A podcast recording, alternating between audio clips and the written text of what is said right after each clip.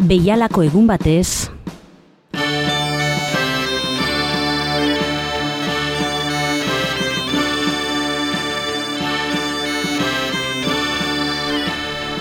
Agur eta ongi etorri Bilbo iria irratiko entzule zaren hori. Datozen minutuetan gure oroimenak gordetzen dituen kutsa irekiko dugu eta gure inguruko egileak, sortzaileak, artistak edota gertaera esanguratsuak bilakatuko ditugu protagonista.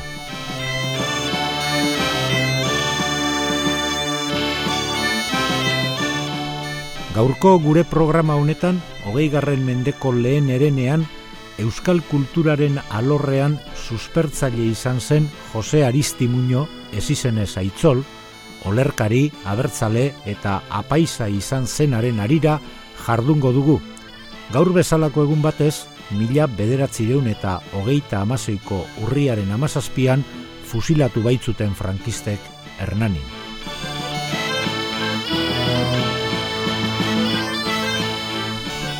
Jose Aristimuño Olaso, aitzol, tolosarra zen jaiotzez. Lehen ikasketak sorterrian egin ondoren komilaseko apaiztegira joan zen. Humanitateak eta filosofia ikasi ondoren, teologia ikasketak hasi zituen mila bederatzireun eta amazazpian. Bertan ezagutu zituen besteak beste, horixe, Nemesio Etxaniz edota Joseba Markiegi.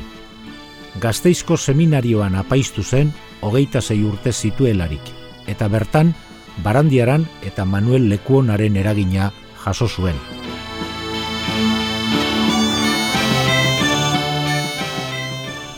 Mila bederatzireun eta hogeita lauan, Gipuzkoako garin errizkatxoa paiz ekonomo izendatu zuten, eta mila bederatzireun eta hogeita bederatzira arte, misiolaritzaren ideala itxasten egin zuen lan. Urte hartan, bronkioetako eritasun larri baten eraginez, bere zereginak utzi eta donostiara joan zen bizitzera. Gaizotasuna zela medio, asti libre ugari zeukan eta bestelako jardueretan sartu zen buru belarri. Euskal gizartearen egitasmo kristau, abertzale eta euskaltzaleak gauzatzeari ekin zion.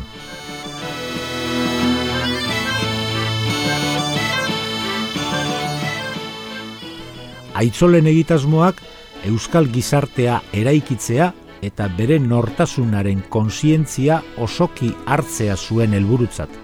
Eta horretarako erakunde euskaltzaleak eta komunikabideak eragin zituen batipat. Adibidez, mila bederatzireun eta hogeita amarreko udan, eldia egunkaria atera zuen, Pio Montoya apaiz lagunak horretarako laguntza ekonomikoa eskaini ziolarik garai hartako egunkari euskaltzale ezagunena zen Euskadi egunkarian ere argitaratu zituen hainbat artikulu. Eldiako horrien bidez, ordura arte inoiz izan gabeko oihartzuna izan zuten aktibidade euskaltzaleek, eta bosgoragailu horrek manifestazio folkloriko utxen artetik atera eta protagonismoa eman zion.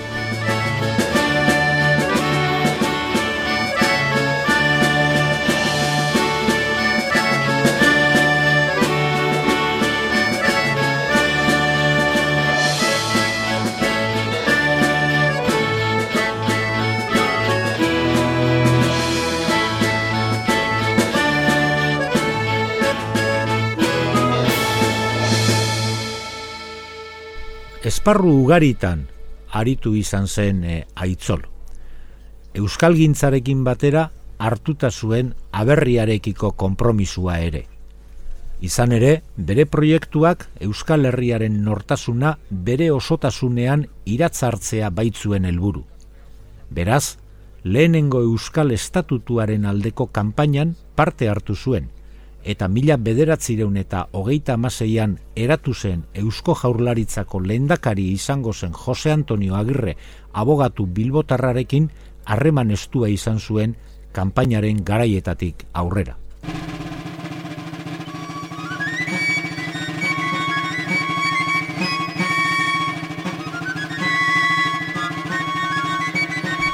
Nazioarteko naiz Euskal Herriko politikari buruzko hainbat artikulu argitaratu zituen aitzolek, garaiko egunkarietan, eta saiakera liburu bat ere argitaratu zuen mila bederatzireun eta hogeita amabostean.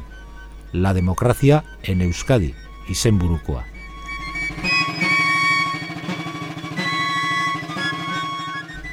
Bestalde, guda aurreko girokoa asaldura politikoarekin batera, gizarte arloan ere ezin egon handia nabari zen. Bigarren errepublikarekin batera, sindikatuek multzo proletario zabaletan gero eta indar handiagoa zuten.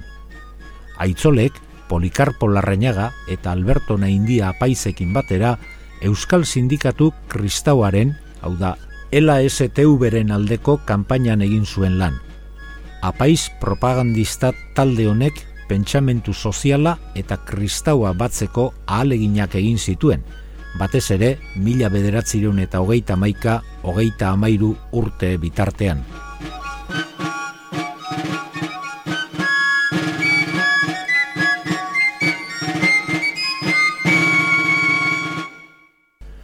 Beste zenbait ekintzen artean, mila bederatzireun eta hogeita amabiko abenduaren amarrean, Donostiako Euskal Deklamazioaren egoitzan eztabaida irekia protagonizatu zuen aitzolek astigarribia komunistarekin.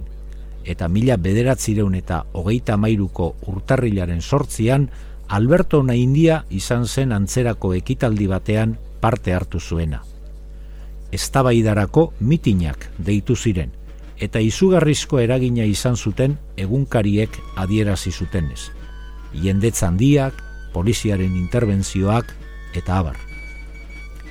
Laster ordea, gazteizeko apespikutzak agindua eman zuen jakitera horrelako eztabaidetan apaisek parte hartzea debekatuta zutela, eta itzolen aipamen zehatza egiten zen argitaratu zen oharrean. Apaizek politikari buruzko artikuluak argitaratzeko ere baimena eskatu behar izango zuten aurrerantzean. Horregaitik, mila bederatzi eta hogeita mairuaz geroztik, aitzolen ahalegin guztiak arlo kulturalera bideratu ziren batipat.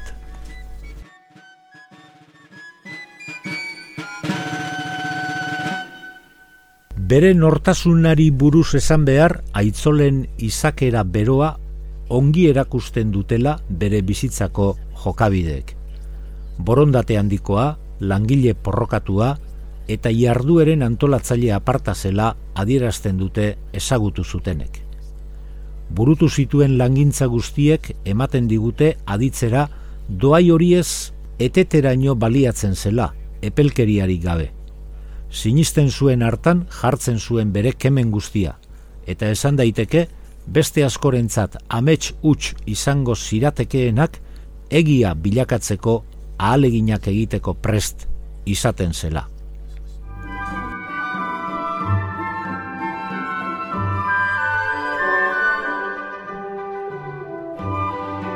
Bere kezka nagusietako bat izan zen, politikak eta gizarte antolakuntzek hizkuntzaren bilakabidean zuten eragina. Bereziki aztertu zituen Europako mugimendu abertzaleak eta hizkuntza gutxiagotuak berreskuratzeko egiten ziren saiakerak. Biziki interesatzen zitzaizkion Finlandia eta Irlandako prozesuak, nazio burujabeak bilakatu zirenetik, beren hizkuntzaren alde egiten zituzten lanen norabidea eta arrakasta mailak aztertuz. Gure kasuaren antzekoago ikusten zituen ordea, Belgika, Estonia, Katalunia edo Proventzakoak, eta bereziki ohartzen zitzaion hauetako bakoitzari arrazoi ezberdinengatik.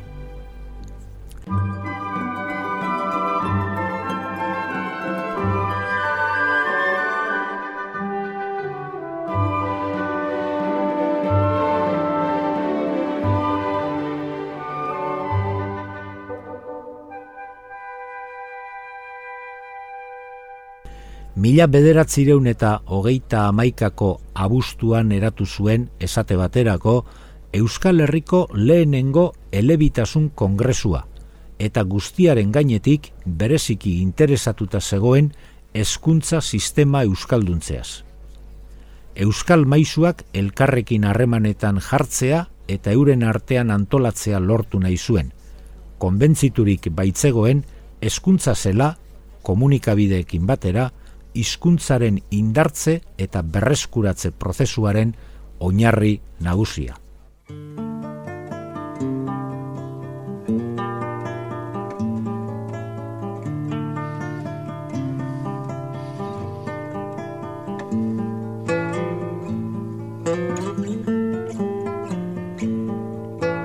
Euskaltzaleak erakundea ere aipatu behar dugu, zeren eta aitzolen gidaritzapean, erakunde honek hainbat arlo ezberdinetara iritsi nahi izan zuen, Euskararen prestigiatze eta bizkortze lana helburutzat harturik.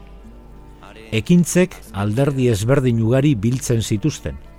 Alde batetik, herri maila zabalari begira antolaturiko aktivitateak. Hala nola, Euskarari omenaldiak, emakumeen omenaldia, euskarari eta aurre euskaldunen eguna bezalako jaiak ospatu ziren. Gure sukalde zarra etxe pizgarria Bart lagun arte goxo gaur bakar gorria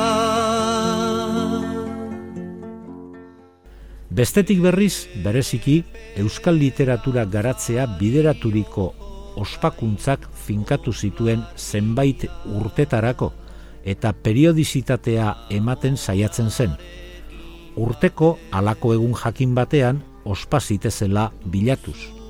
Esate baterako, Eusko Olerti jaiak beti udan egiten ziren. Euskal Antzerkiaren eguna Santomasetan bertzolari guduak aldiz San Sebastian egunaren inguruan. Euskadiko novela saria, horrelakoak aipa daitezke. Haren ipuirik aldekik jaso gogoa. Euskaltzaleak erakundearen berriak eta lanak argitaratzeko, mila bederatzireun eta hogeita mairuan, aitzol giakintza aldizkaria argitaratzen hasi zen eta bereziki taiu literarioa ematea hartu zuen helburutzat.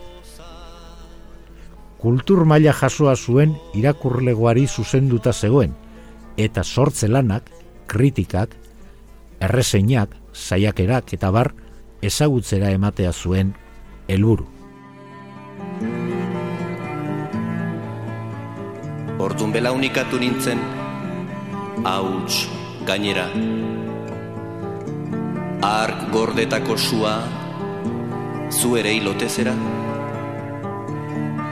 hautsa pitinka urratu nuen beldur bera sua bizirik dago galduak ez gera Euskaltzaleak erakundeak antolaturiko ekintzen artean oihartzun berezia lortu zuten olerti egunak eta bertsolari guduak izenekoak. Olerti jaiak, mila bederatzireun eta hogeita marretik hogeita amaseira bitartean ospatu ziren.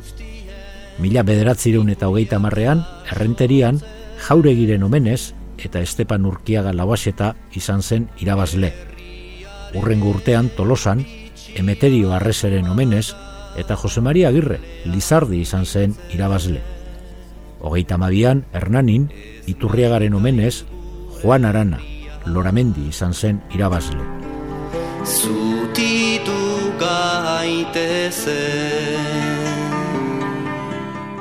Poesiaren jai horiek antolatzeaz gain, urteroko ospakizunetara aurkezturiko obrarik interesgarrienak argitaratzen zituen aitzolek, eusko olerkiak izenburuaz eta itzaurre kritiko batez aurkezturik. Gure maitasun zai Haren susper Bertzolaritzaren esparruan ere murgildu zen aitzol. Eta aitzolen irakasleetako bat izandako Manuel Lekuonaren eskutik etorri zen mende honen hasieran bertzolaritzaren fenomenoaren garraintzia literario eta kulturalaren errekonozimentua. Leku honak argitaratua zuen literatura oral baska izeneko liburua mila bederatzireun eta emeretzian, eta hainbat itzaldi eman ere bai, bere ustez, gutxietxia eta bazterrera utzia zegoen euskal kulturaren manifestaziorik bizi eta aberatsenetariko bat zenari buruz. Bildu dezagun unai asaben lorea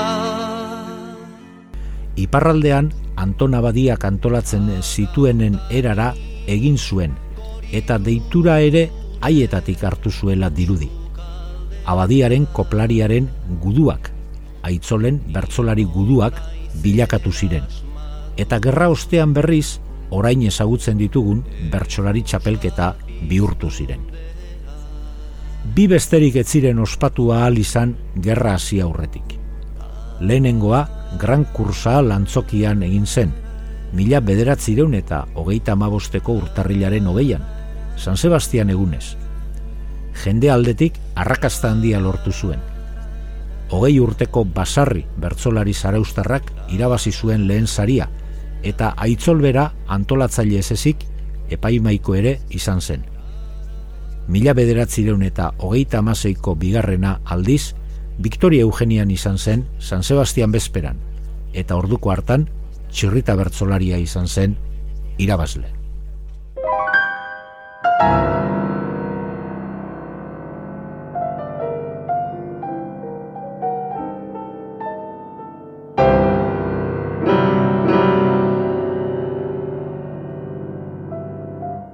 Goazen aitzolen azken astebeteak gogoratzen. Frankoren altxamentua gertatu zenean, aitzol donostian zegoen, eta lehen egunetako giro nazian ara eta ona ibili bazen ere, ies egiteko gomendatu zioten. Josemari Benegas politikariarekin batera igaro zuen muga abuztuaren bian, eta endaian egon zen hilaren amaiera arte irailaren amaikan belokeko monastegi beneditarrera joan zen, beste hainbat errefusiatu politikorekin elkartzera, eta bertan egon zen hilabete inguru.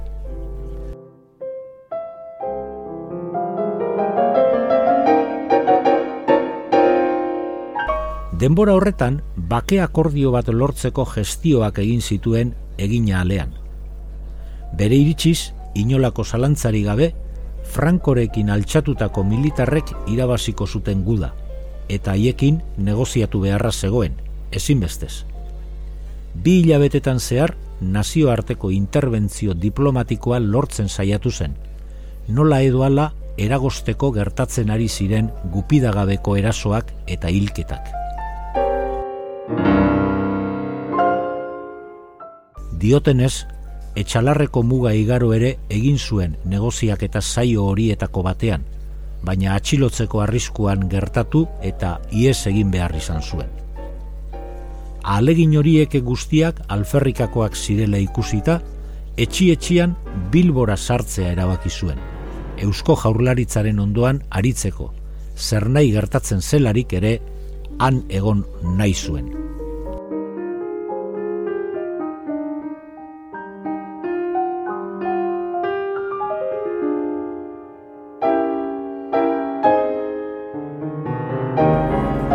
Urriaren amairuan, Donibane loitzunera joan zen eta han Alberto Naindia agurtu zuen erromara zijoalako Vatikanoren laguntza eskatzera.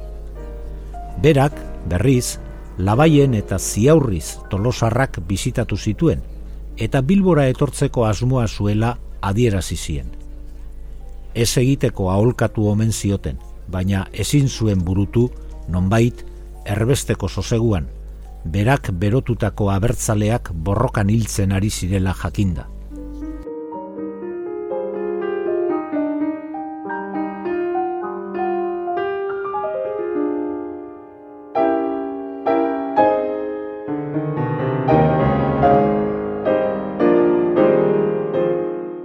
Baionan, galerna izena zeraman itxasuntzia hartu zuen urriaren amabostean. Baionatik bilbora orduko hartan ordea, erdibidean, Alkazar de Toledo itxasuntziak gerarazi zuen eta pasaiari guztiak atxilotu, haien biziak errespetatuko zituztela esanez. Aitzol, gau hartan bertan, eraman zuten ondarretako espetxera. Mila bederatzireun eta hogeita amaseiko urriaren amazazpian eman zen jakitera prentsa bidez, aitzol ospetsua atxilotua zela eta ondarretan gartzelaratua. Posik eta arro zeuden nazionalak aitzol bezalako arrain handia harrapatu izanaz. Egun haietan, ondarretan atxilotuta egon zen Jacques Pelletier, kasetari frantsesak, gerora argitaratu zuen artikulu batean, jipoitzen ari ziren gizon baten sufrimendua deskribatu zuen, baina zeldara ekarri zuten arte, etzuen jakin aitzol zela, ebaindua eta odolestatuta zekarten gizona. Etzen bere kabuz zutik ibiltzeko gai.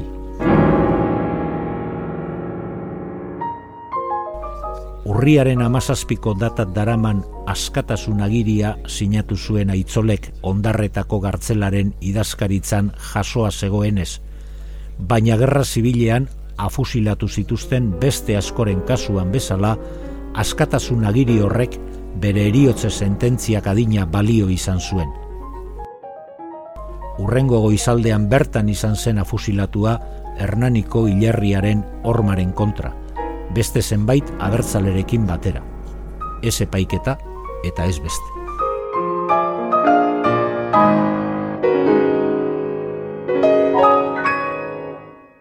Gerra aurreko euskal abertzaletasunak eta kultura berpizkunde mugimenduak izan zuen ideologo eta suspertzailerik garraintzitsuenetakoa ilotz utzi zuten Hernaniko hilerriaren ormaria txikiturik.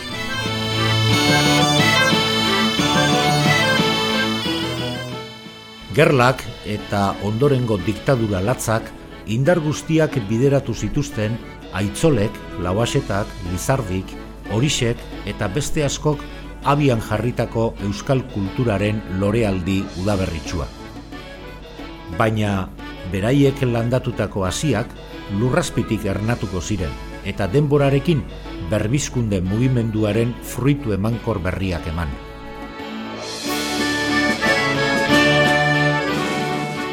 Eta onaino lagunok Jose Aristimuño Aitzol zenaren bizitzaren zenbait pasarte, Gogoratu, hogei garren mendeko hasieran Euskal Kulturgintzaren suspertzaile izan zen aitzol, gaur bezalako egun batez, mila bederatzireun eta hogeita amaseiko urriaren amazazpian alegia, fusilatu zutela frankistek Hernaniko kanposantuko ormaren kontra. Eta bukatzeko, entzule, jakizu leku bat daukazule gure oroimenaren txoko honetan mila esker jarri duzun arreta gaitik. Ondo bizi eta horrengo bat.